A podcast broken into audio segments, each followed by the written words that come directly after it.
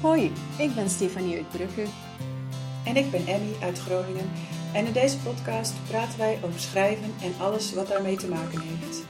Over dromen, over sukkelen, over successen en over worstelen. Schrijven moet je zelf doen, maar je hoeft het niet alleen te doen. Pak een kop thee of koffie en kom gezellig bij ons aan de keukentafel. Even een kleine disclaimer. Omdat wij de podcast op afstand, dus online, opnemen, is de geluidskwaliteit niet van studioniveau. Maar hé, hey, het gaat om de inhoud, toch? Hey, hallo. Alweer aflevering 22 van Schrijfpraat, de podcast. En vandaag um, hebben wij ook weer een gast. En vandaag is dat Fini, Fini Shields. En uh, ik ken Fini zelf van de schrijftraining die wij volgden in 2020 alweer, denk ik. Um, en daarna hebben wij ook uh, contact gehouden en nu uh, spreken we elkaar nog eens in de zoveel tijd met een clubje andere vrouwen van die schrijftraining. En Vini die heeft um, een boek geschreven over uh, een rouwproces na het overlijden van haar zussen. Verborgen waarheid heet het. En zij heeft dat helemaal zelf uitgegeven. Nou, daar willen we graag natuurlijk straks alles van weten. Maar um, Vini, welkom. Dankjewel. Dankjewel voor de uitnodiging. Nou, heel graag gedaan. En wat, wat zou jij nog over jezelf uh, willen vertellen, Vini? Ja, ik kan mijn hele verhaal vertellen, maar het is inderdaad... Door de, ik, ik ben of was yogadocenten. En door de corona ja, werden de yogascholen werden gesloten. En toen had ik eindelijk inderdaad gewoon na, na 27 jaar toen uh, dacht, nu ga ik mijn boek schrijven. Dus mijn boek zat er al heel lang te pruttelen. En toen werd het echt de tijd om het eruit te schrijven. Dus soms duurt het langer en soms schrijf je een boek eerder. Maar ja, doe het, ga ervoor. Ja, en is die tijd nodig geweest, denk je, achteraf, om uh, het boek te kunnen schrijven wat je nu geschreven hebt? Nou, het was toen gewoon de tijd ervoor. Als ik het ja. nu weer zou schrijven, is het weer een heel ander boek. En ik heb het een keer eerder, had ik het ook al geschreven. Toen was het ook weer een heel ander boek. Een boek schrijven is altijd in ontwikkeling. En je blijft zelf ook in ontwikkeling. Dus het verandert altijd weer. Toen was voor mij ja, de tijd ervoor om het gewoon echt helemaal door te zetten en, en, en uit te geven. En uh, uh, de, weg erop, de weg op te gaan. In de verkoop te zetten. Dus dat was wel de tijd ervoor, denk ik. Oké, en je was yogadocent, zei je. Uh, of je bent nog steeds volgens mij ook deels, alleen niet meer alleen maar yoga-docent. Uh, maar daar hebben we het straks uh, zeker ook nog even over, want uh, volgens mij heeft je boek daar ook wel het een en ander in veranderd. Um, ja, wat kun je vertellen over je boek? mijn boek zelf, ja, Verborgen Waarheid, een intiem rouwproces, in dagboekvorm geschreven naar het aanleiding van het overlijden van mijn twee zussen. Mijn zussen zijn in 94 en in 99 overleden. Dat is op zich alweer een poosje geleden. Ik was toen 24 en 29 jaar. Uh, het eerste gedeelte is echt mijn dagboek met uh, aanvulling van, van mijn gedachten van nu. Dus inderdaad, er zit wel een sprongetje in. Maar door die dagboekgedeeltes kom je echt heel erg rauw bij de rouw. Dus je kan echt gewoon inleven. En dat wil ik ook overbrengen, want de rouw doet gewoon heel veel met je. Het is je wordt niet meer dezelfde daarna. Je wordt een andere persoon, omdat er een levensgebeurtenis. En je, je moet alles gewoon anders weer in gaan delen. Of je wil of niet, het kan niet anders. En uh, de paniek die erbij zit en, en, de, en de mooie momentjes die je dan weer voelt. Ja, ik, ik omschrijf ze allemaal in het eerste gedeelte heel erg in mijn dagboek. Het tweede gedeelte is dan dat mijn zus, andere zus overlijdt. Dat is een stukje korter, omdat ik toen op, zich al had van ja, de dood begreep ik al. Dat kan je nooit echt begrijpen. Maar ik, ik had al een plekje kunnen geven in mijn leven. Uh, dus dat heb ik. een stukje korter, maar dan zie je ook weer het hele verhaal. En het laatste deel is eigenlijk mijn leven nu. Hoe, wat voor invloed het allemaal op me heeft. Het mooie van het. Dat ik het boek wilde schrijven. Dat ik zei van ja, het heeft 27 jaar geduurd. Maar toen mijn eerste zus overleed in 94 toen ben ik heel veel boeken gaan lezen.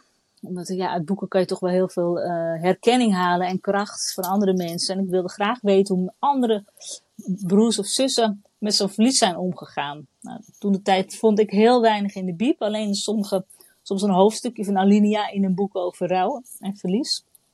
Dus ik had eigenlijk toen al heel snel van dit wil ik een keer schrijven. Ik wil het doorgeven. Ik wil die mensen mee kunnen helpen.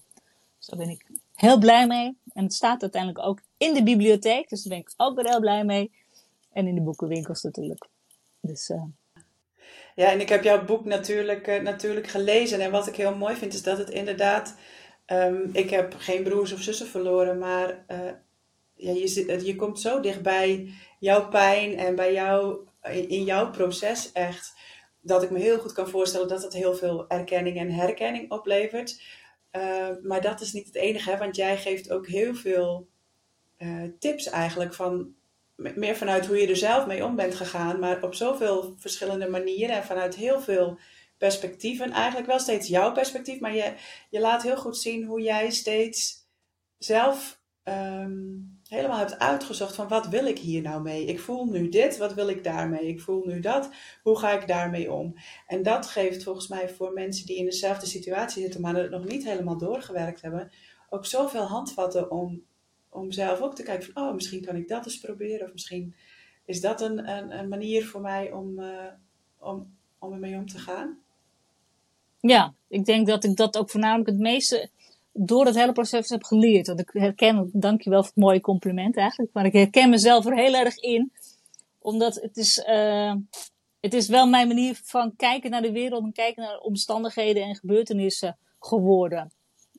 Waarschijnlijk door het proces van het overlijden, dat ik dat gewoon maar dat uh, ja, mijn leidraad is geworden.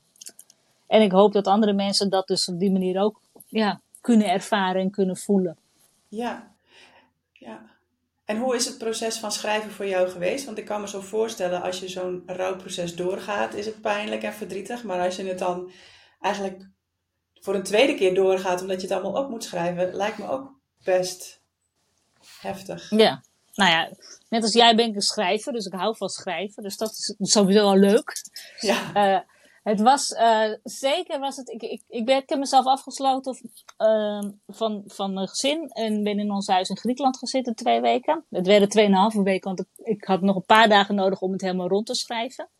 Dus eigenlijk, uh, dat had ik echt nodig. Nou ja, ik, ik heb daar gezeten met tranen en, uh, en lachen en tranen en verbazing van, oh, oké. En schreef ik wat op van oké, dus dat heeft het helemaal met mij gedaan in al die jaren. Dus het, ik, waren eigenlijk eye-openers voor mezelf van wat die rouw toen de tijd met mij heeft gedaan in de rest van mijn leven.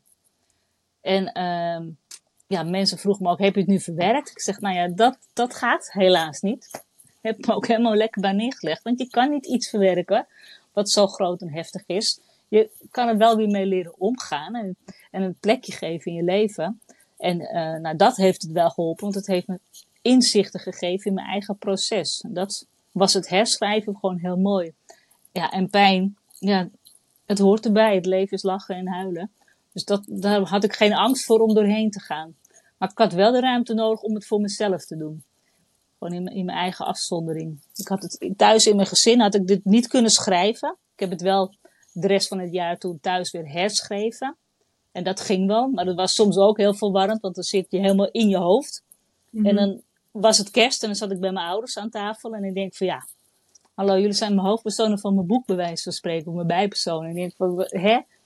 Dus dat, dat was soms wel heel verwarrend, maar dan kruip je weer in je boek en dan zit je weer in je boek. Dus dat is uh, zich wel mooi. En het mooie was dat de er eigenlijk ook weer mee deelde en het is altijd weer mooi om de naam van mijn zus te noemen. En dat hebben we toen heel veel gedaan, dat ik erover aan het schrijven was. Ja, mooi. Ja, het laat ook heel mooi zien hoe dat in jullie gezin is gegaan. Hè? En hoe, ja, hoe, hoe bijzonder dan zo'n gezin ook kan zijn. En hoe, hoe je elkaar kunt steunen in zo'n proces ook. Maar ook hoe je het heel, even heel lastig met elkaar kunt hebben als je een andere manier hebt om om te gaan met, met zoiets.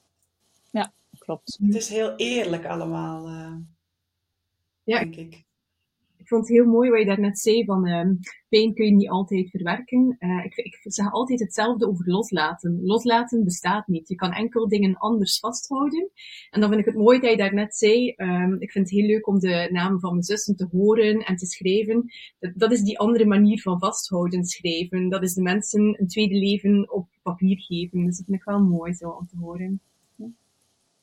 Ja, mooi, mooie samenvatting mensen een tweede leven op papier geven. Wauw. even denken, want toen, toen was het boek af. Hè? En toen, ik weet nog dat wij toen gesprekken hadden over van, nou ja, ga je op zoek naar een uitgever of ga je het zelf doen? En jij was eigenlijk vrij stellig van, nee, dit ga ik zelf doen. Kan, kan je nog uitleggen waarom je die keuze toen zo hebt gemaakt? Nou, ik heb de keuze gemaakt. Het is geen makkelijk boek om uit te geven via een, een, een uitgever. En uh, wat ik net zei, het was toen 27 jaar geleden. Ja, en ik hou van dat soort tekens. Mijn zus werd 27, uh, was 27 toen ze overleed. Dus het was 27 jaar later. Dus ik wilde het gewoon op haar geboortedag uitgeven. Nou ja, ga maar eens naar de uitgevers toestappen en zeg: Hé, hey, ik wil het boek 10 juni uitgeven, 2020. Ja, dat, dat, wordt een hele lange draad. Dus ik heb zoiets van die confrontatie wilde ik gewoon niet aangaan. Dus voor mij was het eigenlijk toen al heel snel de keuze van ja, dan zelf publiceren. Uh, ja, wel spannend hoe dat dan te doen. Maar dat is ook gelukt. Ja, want hoe is dat dan gegaan? Want uh, ja, ik heb natuurlijk daar uh, wel van de zijlijn het een en ander van meegekregen. En we hebben natuurlijk ook niet voor niks jou gevraagd om, om daar iets over te zeggen in de podcast. Want ja, ik vind, jij bent er bovenop gedoken, zeg maar. Hè? Je bent echt helemaal ervoor gegaan. Kan je, kan je daar iets over vertellen? Wat, waar ben je begonnen? Wist je wat je te wachten stond? Wat... Nee, ik wist ik totaal niet wat me te wachten stond. En het is eigenlijk gewoon je voelspriet uitdoen en, en proberen maar je weg erin te vinden. Dat is me uiteindelijk gelukt. Ik ben uiteindelijk uh, bij een, een die dus het hele proces uit je handen kan nemen, gaan doen. Uh, maar ik heb natuurlijk ook eerst nog een, uh, een uh, iemand die mijn boek nakijkt. Hoe heet ze? Redacteur. Re redacteur, sorry, mijn redacteur. Redacteur heb ik inderdaad aan de hand genomen om het boek gewoon door te lezen en samen door te lezen en nog andere dingen te veranderen, kijken op de teksten. En die heeft het klaargemaakt ook voor om te publiceren. Dus die op, die, dat opstellen, weet je van hoe dat allemaal moet. Nou, daar heb ik echt geen verstand van. Hoeveel kantlijnen, hoeveel dit en dat. Nou ja, dat heb ik dus ook allemaal laten doen. Ja, en toen is het eigenlijk opsturen naar ja, Pumbo heb ik het opgestuurd uiteindelijk. En die helpen je wel goed. Uh, en die, de voorkant, ja, daar had ik weer een vriendin die wilde graag de voorkant tekenen. Dus daar ben ik mee aan de slag gegaan. En toen heb ik dat aan hun doorgestuurd. En toen kwamen ze maar met wat voorbeeldjes terug.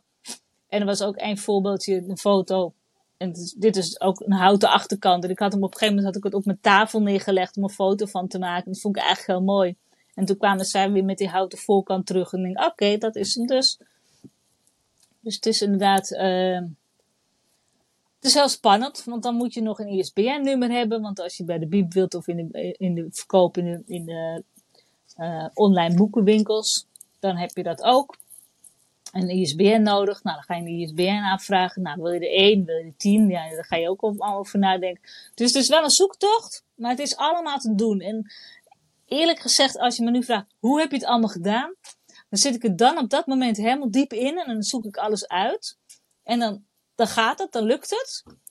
Maar daarna laat ik het eigenlijk weer los. Mm Heb ik zoiets van, ik heb dat nu gedaan, ik heb het nu niet nodig.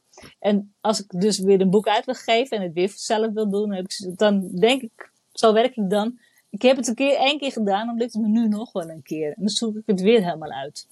Maar lang leeft het internet, daar is heel veel op uit te zoeken. Dus. Gelukkig. Ja, zo werk ik, denk ik. Dus. ik, heb een, ik heb een vraagje, want ik beeld mij in dat ik zelf zou willen mijn boek uitgeven. Um, en ik schreef ook um, uit eigen ervaringen, wel autofictioneel in een roman.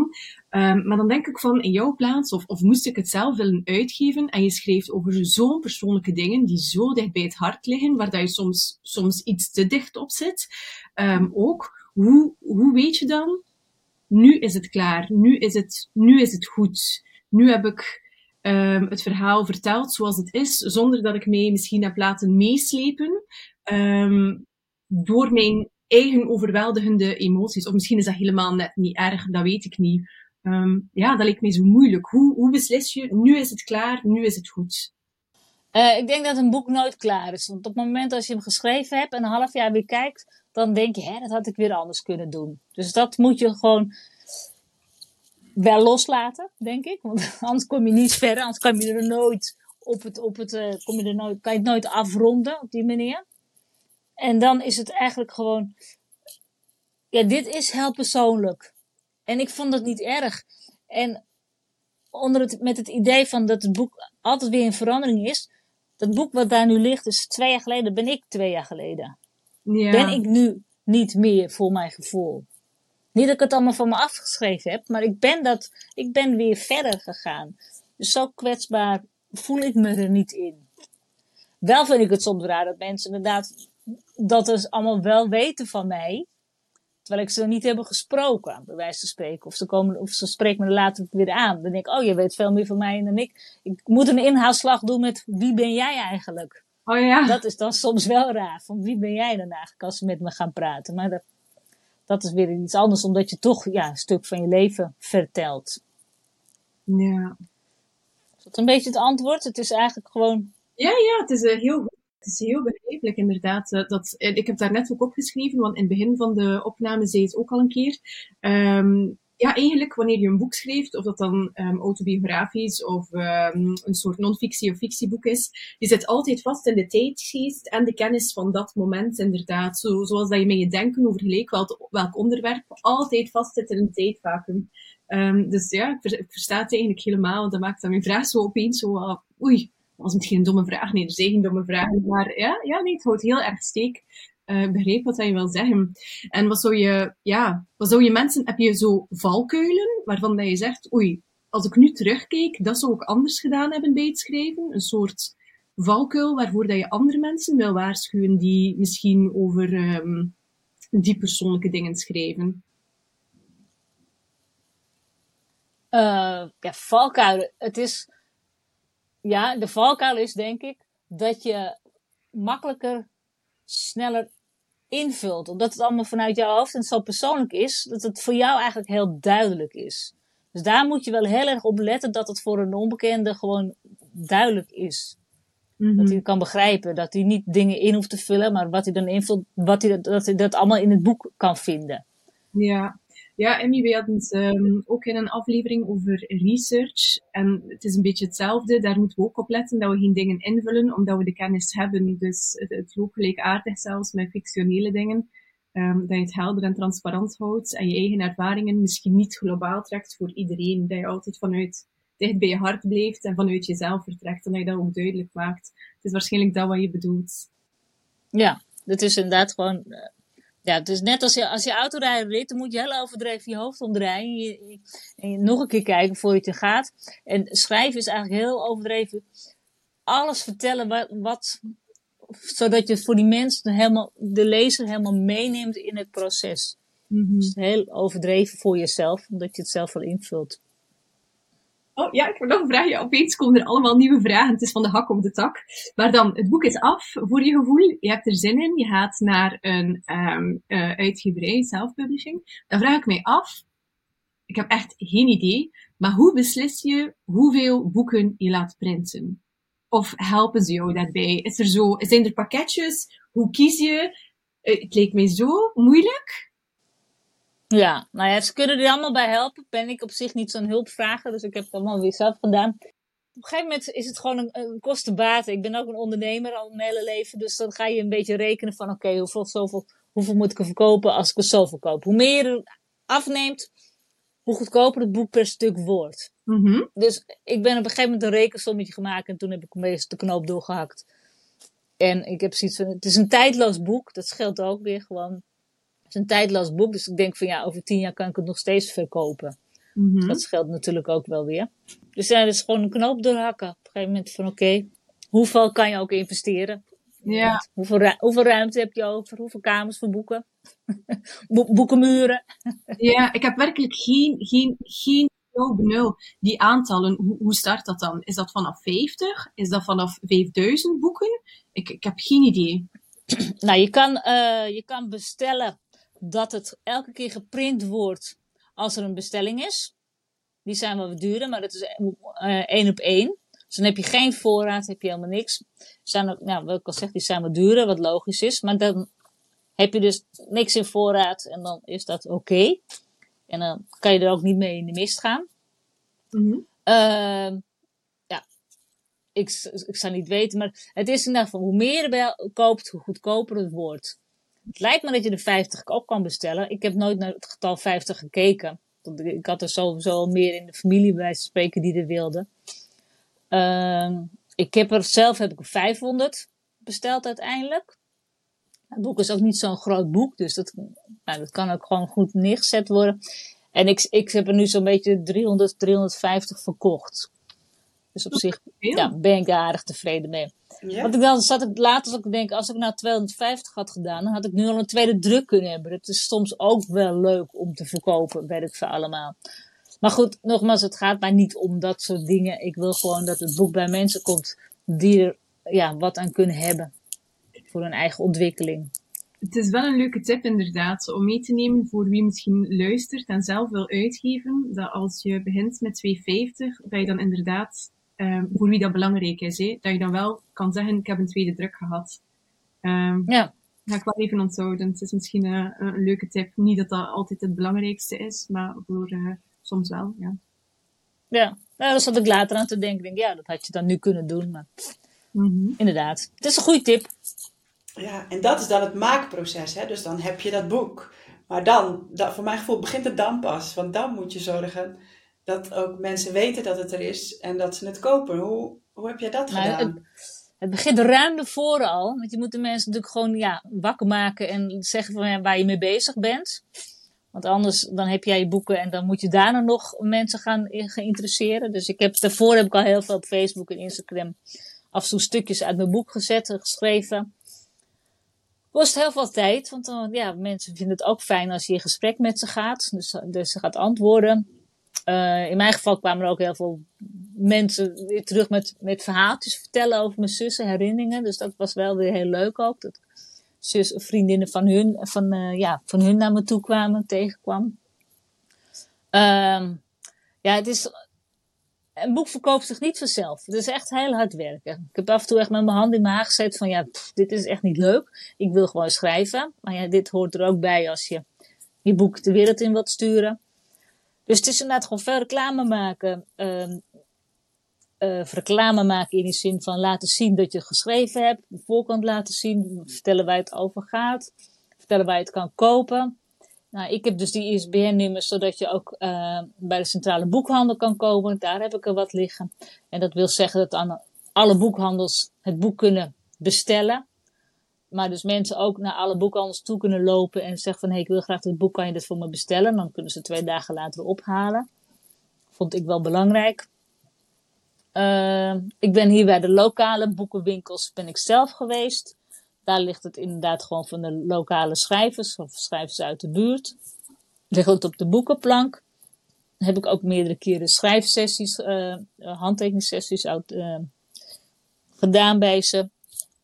Uh, ik heb hier in de buurt ook wat boekenlezingen gedaan. Dat is natuurlijk ook gewoon, ja, dan, in mijn geval kwam je inderdaad gewoon, ja, mensen die dus inderdaad gewoon geïnteresseerd, zijn in de rouw mee te maken hebben met de rouw. Dus dat is dan ook wel weer heel mooi. Dan heb je direct de personen ja, die er eigenlijk mee wil helpen. Ik heb uh, een vraagje over het verdeelproces in de boekenhandels. Dus ik veronderstel dat mensen op jouw website het boek kunnen kopen. Uh, maar is het soms interessanter um, als je zelf uitgeeft, en ze zijn blijkbaar beschikbaar boekenhandels dat je kan bestellen, is het interessanter om jouw potentiële klanten naar een boekhandel te sturen en te vragen, wil je het daar bestellen? Om het op die manier onder de aandacht van de boekhandel te brengen? Is, is dat een tip? Of, of is dat iets wat niet zo interessant is? Dat is een tip, want dan, dan gaat die lijn inderdaad meer uh, rinkelen, bij wijze van spreken.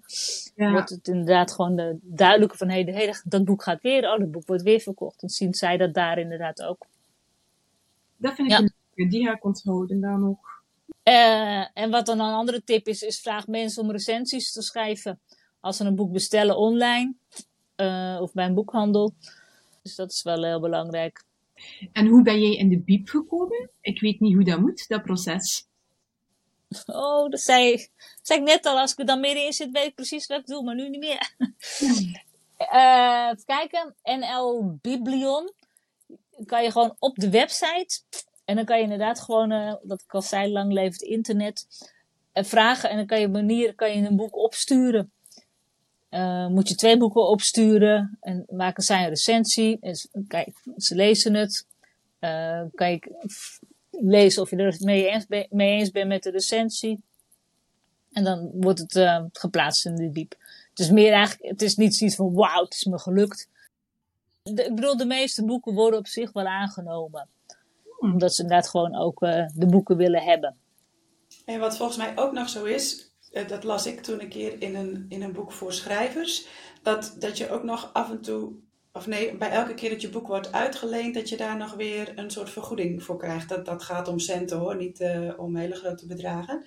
Volgens mij moet je je dan ergens aanmelden en dan elke keer als je boek uh, uitgeleend wordt, dan, uh, dan krijg je daar een hele kleine bijdrage nog weer van. Dat wordt natuurlijk interessant als het heel vaak wordt uitgeleend. Maar, dus dat is bij de biep? Ja. Ja. Nou, heb ik niets over gehoord, ook niet in verdiept. Het is altijd goed om dat zelf even uit te zoeken als je, als je in zo'n proces zit. Ja. Hey, en ik heb volgens mij ook nog van jou banners voorbij zien komen en zo. Die had je laten maken. Ja, ik heb uh, op een gegeven moment, ja, toen ging ik dus een schrijfsessie of een signeersessie doen bij een bibliotheek, bij een boekenwinkel. En toen heb ik inderdaad een banner laten maken, zo'n zo, zo anderhalve meter hoogte of zoiets, die je, uit kan, die je naast je neer kan zetten. En het mooie is dan van, die staat dan meestal voor, een paar dagen voordat die signeersessie is. Dan zegt, zegt ze natuurlijk, er komt een signeersessie aan. Dan zetten ze die banner daar neer. En zien de mensen het boek weer. Ah, ja. um, dus dat is wel leuk. En het leuke is dat je, mocht, kon je ook nog heel goedkoop twee bekers bij halen. Dus ik heb ook een beker met mijn buitenkant van mijn boek erop. Voor mijn eigen koffiekopje. Heel goed, heel leuk. Maar, maar, jij bent daar zelf denk ik ook wel dan heel creatief in geweest. Hè? Jij bent echt zelf naar al die boekwinkels gegaan om te vragen of je daar een signeersessie mocht doen. Je bent zelf heel actief geweest in... Uh... Ja, maar het moet. Als je het zelf niet doet en je hebt al die stapels boeken in je huis liggen, dan gebeurt er niks. Dus je moet echt, als je het zelf gaat publiceren, moet je echt achter jezelf staan en weten dat je kan en dat je de, dat je de tijd ervoor hebt om dit te doen. Ja, je zegt um, als je zelf uitgeeft dat je dat moet doen. Maar ik denk, we hebben nu al een paar keer een gesprek gehad met um, andere auteurs ook, die bij een uitgeverij zitten. En ik hoor dat dat, dat daar toch ook echt zelf moet hoor. Um, dat je wat ondersteuning krijgt, maar dat het zowel bij self-publishing als bij een um, ja, standaard uitgeverij te zitten, dat je nog altijd zelf heel hard moet je eigen promotie voeren, je eigen marketing. Um, het is goed om inderdaad van in het begin, je zei, ik was al lang bezig op social media, dat dat een goede aanrader is, of een goede tip om mee te nemen. Start op tijd met uh, jouw marketing en jouw promotie. En maak warm, mensen goed op tijd warm. Neem ze mee in dat verhaal. En dan nu, hè, want het boek is al een tijdje uit. Hoe maak jij nu promotie? Want ik kan inbeelden, in het begin is dat een piek. Hè, en je gaat naar alle boekenwinkels en je vraagt om presentaties te doen. En dat mag en dat kan. En nu zijn we een beetje verder in het proces. Hoe pak je dat nu dan aan om, om toch nog verder te verkopen? Is dat een andere manier van marketing doen nu? Ja, ik, ben ondertussen weer met de andere switch bezig, dus hij ligt wat stiller bij wijze van spreken. Maar ik had, na die piek, toen ben ik eigenlijk naar, in de diepte gegaan. Toen ben ik eigenlijk uh, bedrijven aan gaan schrijven of uh, stichtingen. Uh, is daar eentje van. En die is echt voor mensen die een broer of zus hebben verloren. Dus daar ben ik op, op een jubileumdag hadden, of een, een jaardag, wat iedereen er was, daar ben ik geweest. dus dan ben je weer bij de echte doelgroep. Toen ben ik een beetje mijn doelgroep gaan bezoeken en aan gaan praten. Ik, ik ben dus ook yoga-docent en in mijn boek staan ook wat yoga-oefeningen. En de ademhalingsoefeningen. Dus ik heb een yoga-tijdschrift, daar heb ik ook nog een artikel voor geschreven. En mijn boek uh, daarin vermeld. Dus dan ga je een beetje de andere hoeken zoeken. Maar dat is met mijn boek, kan dat dan. In plaats van alleen, uh, ja, aan publiek iedereen aan, aan praten. Omdat het ook gewoon een specifiek boek is over de rouw met combinatie met yoga. Ja, heel, heel goede tip. Ik heb het opgegeven um, om effectief naar je doelgroep op zoek te gaan uh, en daar het aan de, onder de aandacht te brengen. Ik kan me inbeelden dat er ook op Facebook waarschijnlijk wel specifieke rouwgroepen zijn ook. Um, en het inderdaad een goede manier is om, om dat uh, ja, onder de aandacht te brengen en yogagroepen en zo. Dat is eentje dat ik ga onthouden uh, voor mijn eigen doelgroep eigenlijk. Goeie tip. Maar ik heb inderdaad ook gehoord dat bij, als je het laat uitgeven, dat je zelf ook nog heel veel moet doen. De marketing is gewoon heel groot. Je lift dan een beetje met ze mee, maar zelf moet je nog heel veel zelf doen. Klopt. Ja, en, en Fili, want jij hebt volgens mij naar aanleiding van dit boek ook wel, uh, want we noemden het in het begin al even, je was yoga-docent en je bent het nog steeds, maar je bent ook andere dingen erbij gaan doen. Um, ja, wat, wat is er allemaal gebeurd naar aanleiding van dit boek met jou of met... Nou ja, het boek gaat natuurlijk over een stuk rouwverwerking. Dus ik ben het jaar daarna, nadat ik het boek heb uitgegeven, ben ik een, een rouw- en stervensbegeleiding, coachopleiding gaan doen. Dat vond ik heel mooi en vind ik nog steeds heel mooi. En toen dacht ik, nee, ik wil toch eigenlijk nog een stukje verder. Dus ik ben begin, vorig jaar september, ben ik begonnen met een andere opleiding. Dat is uitvaartbegeleider. Dus ik ga weer helemaal, ja, eigenlijk helemaal de rouw in. Ik heb het gevoel dat ik daar gewoon, ja, heel veel mensen kan bijstaan, ontzorgen en um, een stukje helpen met het begin van hun rouwverwerking. Om er in die periode voor ze te zijn. Jeetje, en, en denk je dat je, het is misschien een vraag waar helemaal geen antwoord op is hoor, maar heeft het boek daarin een rol gespeeld? Was je, was je dit ook gaan doen als je het boek niet had geschreven? Of? Ja, mooie vraag. Heb er alleen denk ik geen antwoord op. Het, het, gaat, zoals het, het gaat zoals het gaat. Uh, dat boek moest eruit, dat weet ik. Dat, dat, dat wilde ik al. En het heeft mij wel uh, uh, ruimte gegeven om te gaan kijken wat ik dus echt wel wilde nu doen. Maar je kan ook zeggen dat het die coronatijd was. Hè? We weten het niet. Maar het heeft, het heeft wel mij. Ja, ik denk dat het toch meer het boek is. Dat het mij gewoon verder heeft geholpen. Van oké, ik ga nu echt een keuze maken. Ik ga nu echt ja, die kant op. Dat heeft me altijd al geïntegreerd hoor. De dood en begraafplaatsen. Als ik ergens op vakantie ben, ga ik altijd naar de begraafplaats kijken. Ik vind het mooi. Ik vind het ja, waardevol om daar te zijn. Het is zo'n stuk van het leven. De dood en de rouw horen bij het leven. En het wordt helaas nog te veel weggestopt. Vandaar mijn boek Verborgen Waarheid. Omdat je, ja, je loopt vaak met rouw en verdriet rond. Terwijl mensen het helemaal niet kunnen zien. Daar is echt een, een onderdeel van het leven. Dus uh, bij ons is er nog wel werk aan de winkel. Uh, heeft trouwens niets met de podcast te maken, maar het schiet wel door mijn gedachten. We hebben een uitvaartcentrum en het heet Doodgewoon. Vind ik fantastisch. Ja. Ik denk, ja, dat allemaal samen zo van, het is doodgewoon, dit, this is life. Um, dus ja, het is mooi dat je dat met je boek ook um, betracht te berekenen, um, daar een soort naar boven aan de oppervlakte te brengen. Want dan, dan maak je het ook normaal. Zolang dat je het wegduwt, blijf je dat voelen van binnen. Als je het kan ervaren, dan neutraliseert op zich de, de pijn al voor een, of niet neutraliserend, het wordt minder, het wordt draagbaarder zo, het wordt draaglijker. Ja, ja. mooi. Ik ga nog een keer uh, een complete shift maken in vragen. Sorry voor de schizofrenie bijna. Ik vroeg me ook nog af, als je gaat gaan kiezen, sorry, sorry, sorry. als je gaat gaan kiezen voor uh, de uitgeverij, ik kan me inbeelden, ik wil mijn boek uitgeven, ja, dan weet ik van, oké, okay, ik moet gaan kijken naar iemand die in het genre psychologische roman zit, en dan vallen er heel veel uitgeverijen af. Is dit bij self-publishing ook zo, dat je heel specifieke genres hebt van uitgeverijen, en hoe kies je dat ah, dan? Nee, je hebt niet volgens mij heel specifieke genres. Zelfproductie doet meestal wel alles, maar je hebt wel heel veel verschillende manieren dat ze het doen. Dus daar moet je wel een beetje eh, de weg in vinden. Er schiet me even niet een naam binnen. Maar er was er ook eentje, daar was ik ook even mee bezig. Maar die was toen zo opdringerig en pusherig. Dat ik denk van ja, laat me met rust. Ik wil het gewoon zelf allemaal uitzoeken. En toen kwam ik eigenlijk toch weer bij degene bij wie ik het heb gedaan. Ook omdat ik, eh, ja, die waren niet zo opdringerig en ik ben geen hulp. Ik, ik zoek het liever zelf uit, mijn eigen weg. Maar er zijn er heel veel, zijn er zeker, uh, en dan moet je je eigen klik in vinden. Ja, en volgens mij moet je ook nog oppassen, want er zijn er ook wel een paar die uh, vooral voor hun eigen uh, financiële plaatje ja. gaan. Um, dat is bij zelfbubben of, of mensen die je daarbij willen helpen ook wel iets om goed op te letten dat je, uh, dat je niet in de maling genomen wordt of, of besodemieterd wordt. Of, nou, uh... Ik heb toen wel bij Bolcom heb ik zitten kijken, want ik, ik kan zien welke boeken door wie wat zijn uitgegeven. Dus daar heb ik inderdaad, uh, als, als tip is dat weer, heb ik weer zitten kijken hoeveel mensen dat nou gebruiken, welke mensen welke gebruiken. Gewoon een eigen beetje research gedaan. Oh ja, dat is ook een mooie tip, ja. Ja, dat is uh, een tip dat ze bij ons in de les ook geven. Ga naar de bibliotheek en kijk welke boeken jou aanspreken, welke covers, uh, welke, welke layouts. En kijk dan welke uitgeverij, naast het genre natuurlijk, kijk welke boeken jou aanspreken en welke uitgeverij dat is. En vaak heb ik dan boeken van dezelfde uitgeverij vast. Dus het is grappig dat je dat zegt. Um, om op bol.com te kijken, houdt heel veel steek. Ja. ja.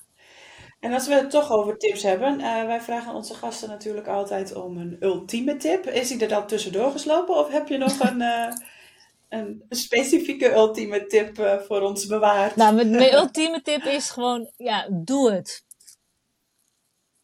En dat is gewoon, ik begon eigenlijk mee te zien al als je terugluistert, dan hoor je dat. En dan denk ik, oh, dat had ik tot het eind moeten bewaren. Maar ik wou het zo graag zeggen.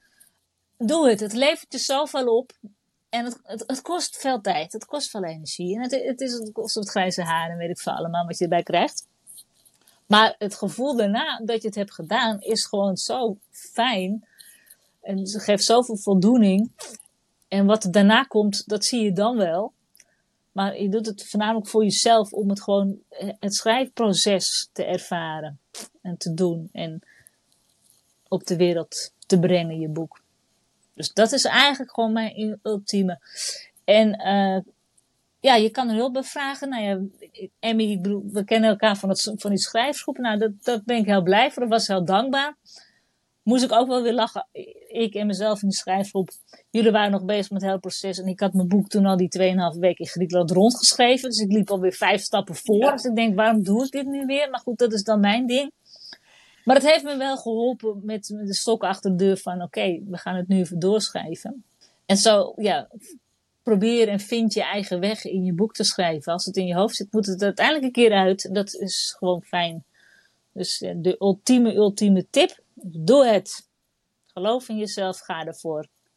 Mooi, Vinnie. Kan ik niks anders dan, uh, dan het mee eens zijn. Uh, en dan heb jij ons ook nog verteld dat jij een boek wilt geven aan een van onze luisteraars. Dat vinden wij natuurlijk super, super leuk. Dus um, wil je het, graag het boek Verborgen Waarheid van Fini, uh, dan komt daar um, weer een post over op de dag dat deze podcast ook verschijnt. Um, en dan kun je daaronder reageren en dan uh, een week later maken we de winnaar bekend. een prachtig boek, Verborgen Waarheid, over uh, het rouwproces na het overlijden van uh, jouw zussen, Fini, uh, met ja, veel, waar je veel herkenning en erkenning in kunt vinden, maar ook veel tips als je er middenin zit van hoe kun je nou omgaan met bepaalde ja, dingen waar je tegenaan loopt in zo'n proces. Want een rouwproces loopt voor iedereen anders. Uh, maar ja, er zijn ook dingen die wel overeenkomen en waarvan je dan misschien toch denkt, hé, hey, dit ga ik eens proberen. En, en dus. nog één ding tussendoor. Het is niet alleen mooi voor als jij zelf in het proces zit, maar ook voor de mensen om je heen. Ik had ook een, een iemand had mijn boek gewonnen ook. En die zei, mooi, fijn, ik heb hem gelezen, maar ik ga hem nu aan mijn partner geven. Dan kan hij mij beter begrijpen. Want er staat zo duidelijk in van hoe het met me gaat, hoe, hoe jij het ervaren hebt, daar vind ik herkenning in. Dus dan kan hij er ook weer een stuk herkenning in vinden. Nou ja, en ik denk ook voor mensen die veel te maken hebben in hun werk of, of hè, met rouw en, en rouwprocessen en rouwverwerking, uh, geeft het ook gewoon een heel mooi kijkje in hoe dat dan echt voor iemand is. Ja. Dus laat het vooral weten als je verborgen waarheid uh, van Fini uh, graag wilt, wilt ontvangen. Um, en dan komt het helemaal goed. Fini, ontzettend bedankt voor je aanwezigheid bij ons aan de keukentafel. Ja, dankjewel. de online keukentafel. Wij spreken elkaar eh, binnenkort vast uh, wel weer ja. eventjes. Dan laten we het hierbij, denk, denk ik. ook. Helemaal goed. Dank jullie wel. Oké. Okay. Fijne dag. Dankjewel en tot de volgende. Doei. Dag.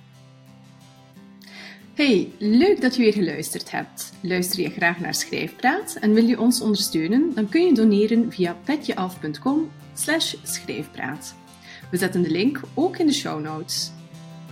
Je kunt ons ook helpen door een review te schrijven of een beoordeling te geven. Vijf sterren of zo. Daardoor komen wij hoger in de lijsten en help je nieuwe luisteraars om ons te vinden. Deel de podcast ook gerust in je netwerk of op social media en tag ons dan even. Wij vinden het superleuk om te weten wie je luistert. Heb je vragen of is er een onderwerp waar jij onze mening of ervaringen over wilt horen? Of is er iemand die je graag als gast in Schrijfpraat zou horen? Laat het ons dan weten. Dat kan via Instagram, at Stefanie Insta en at Emmy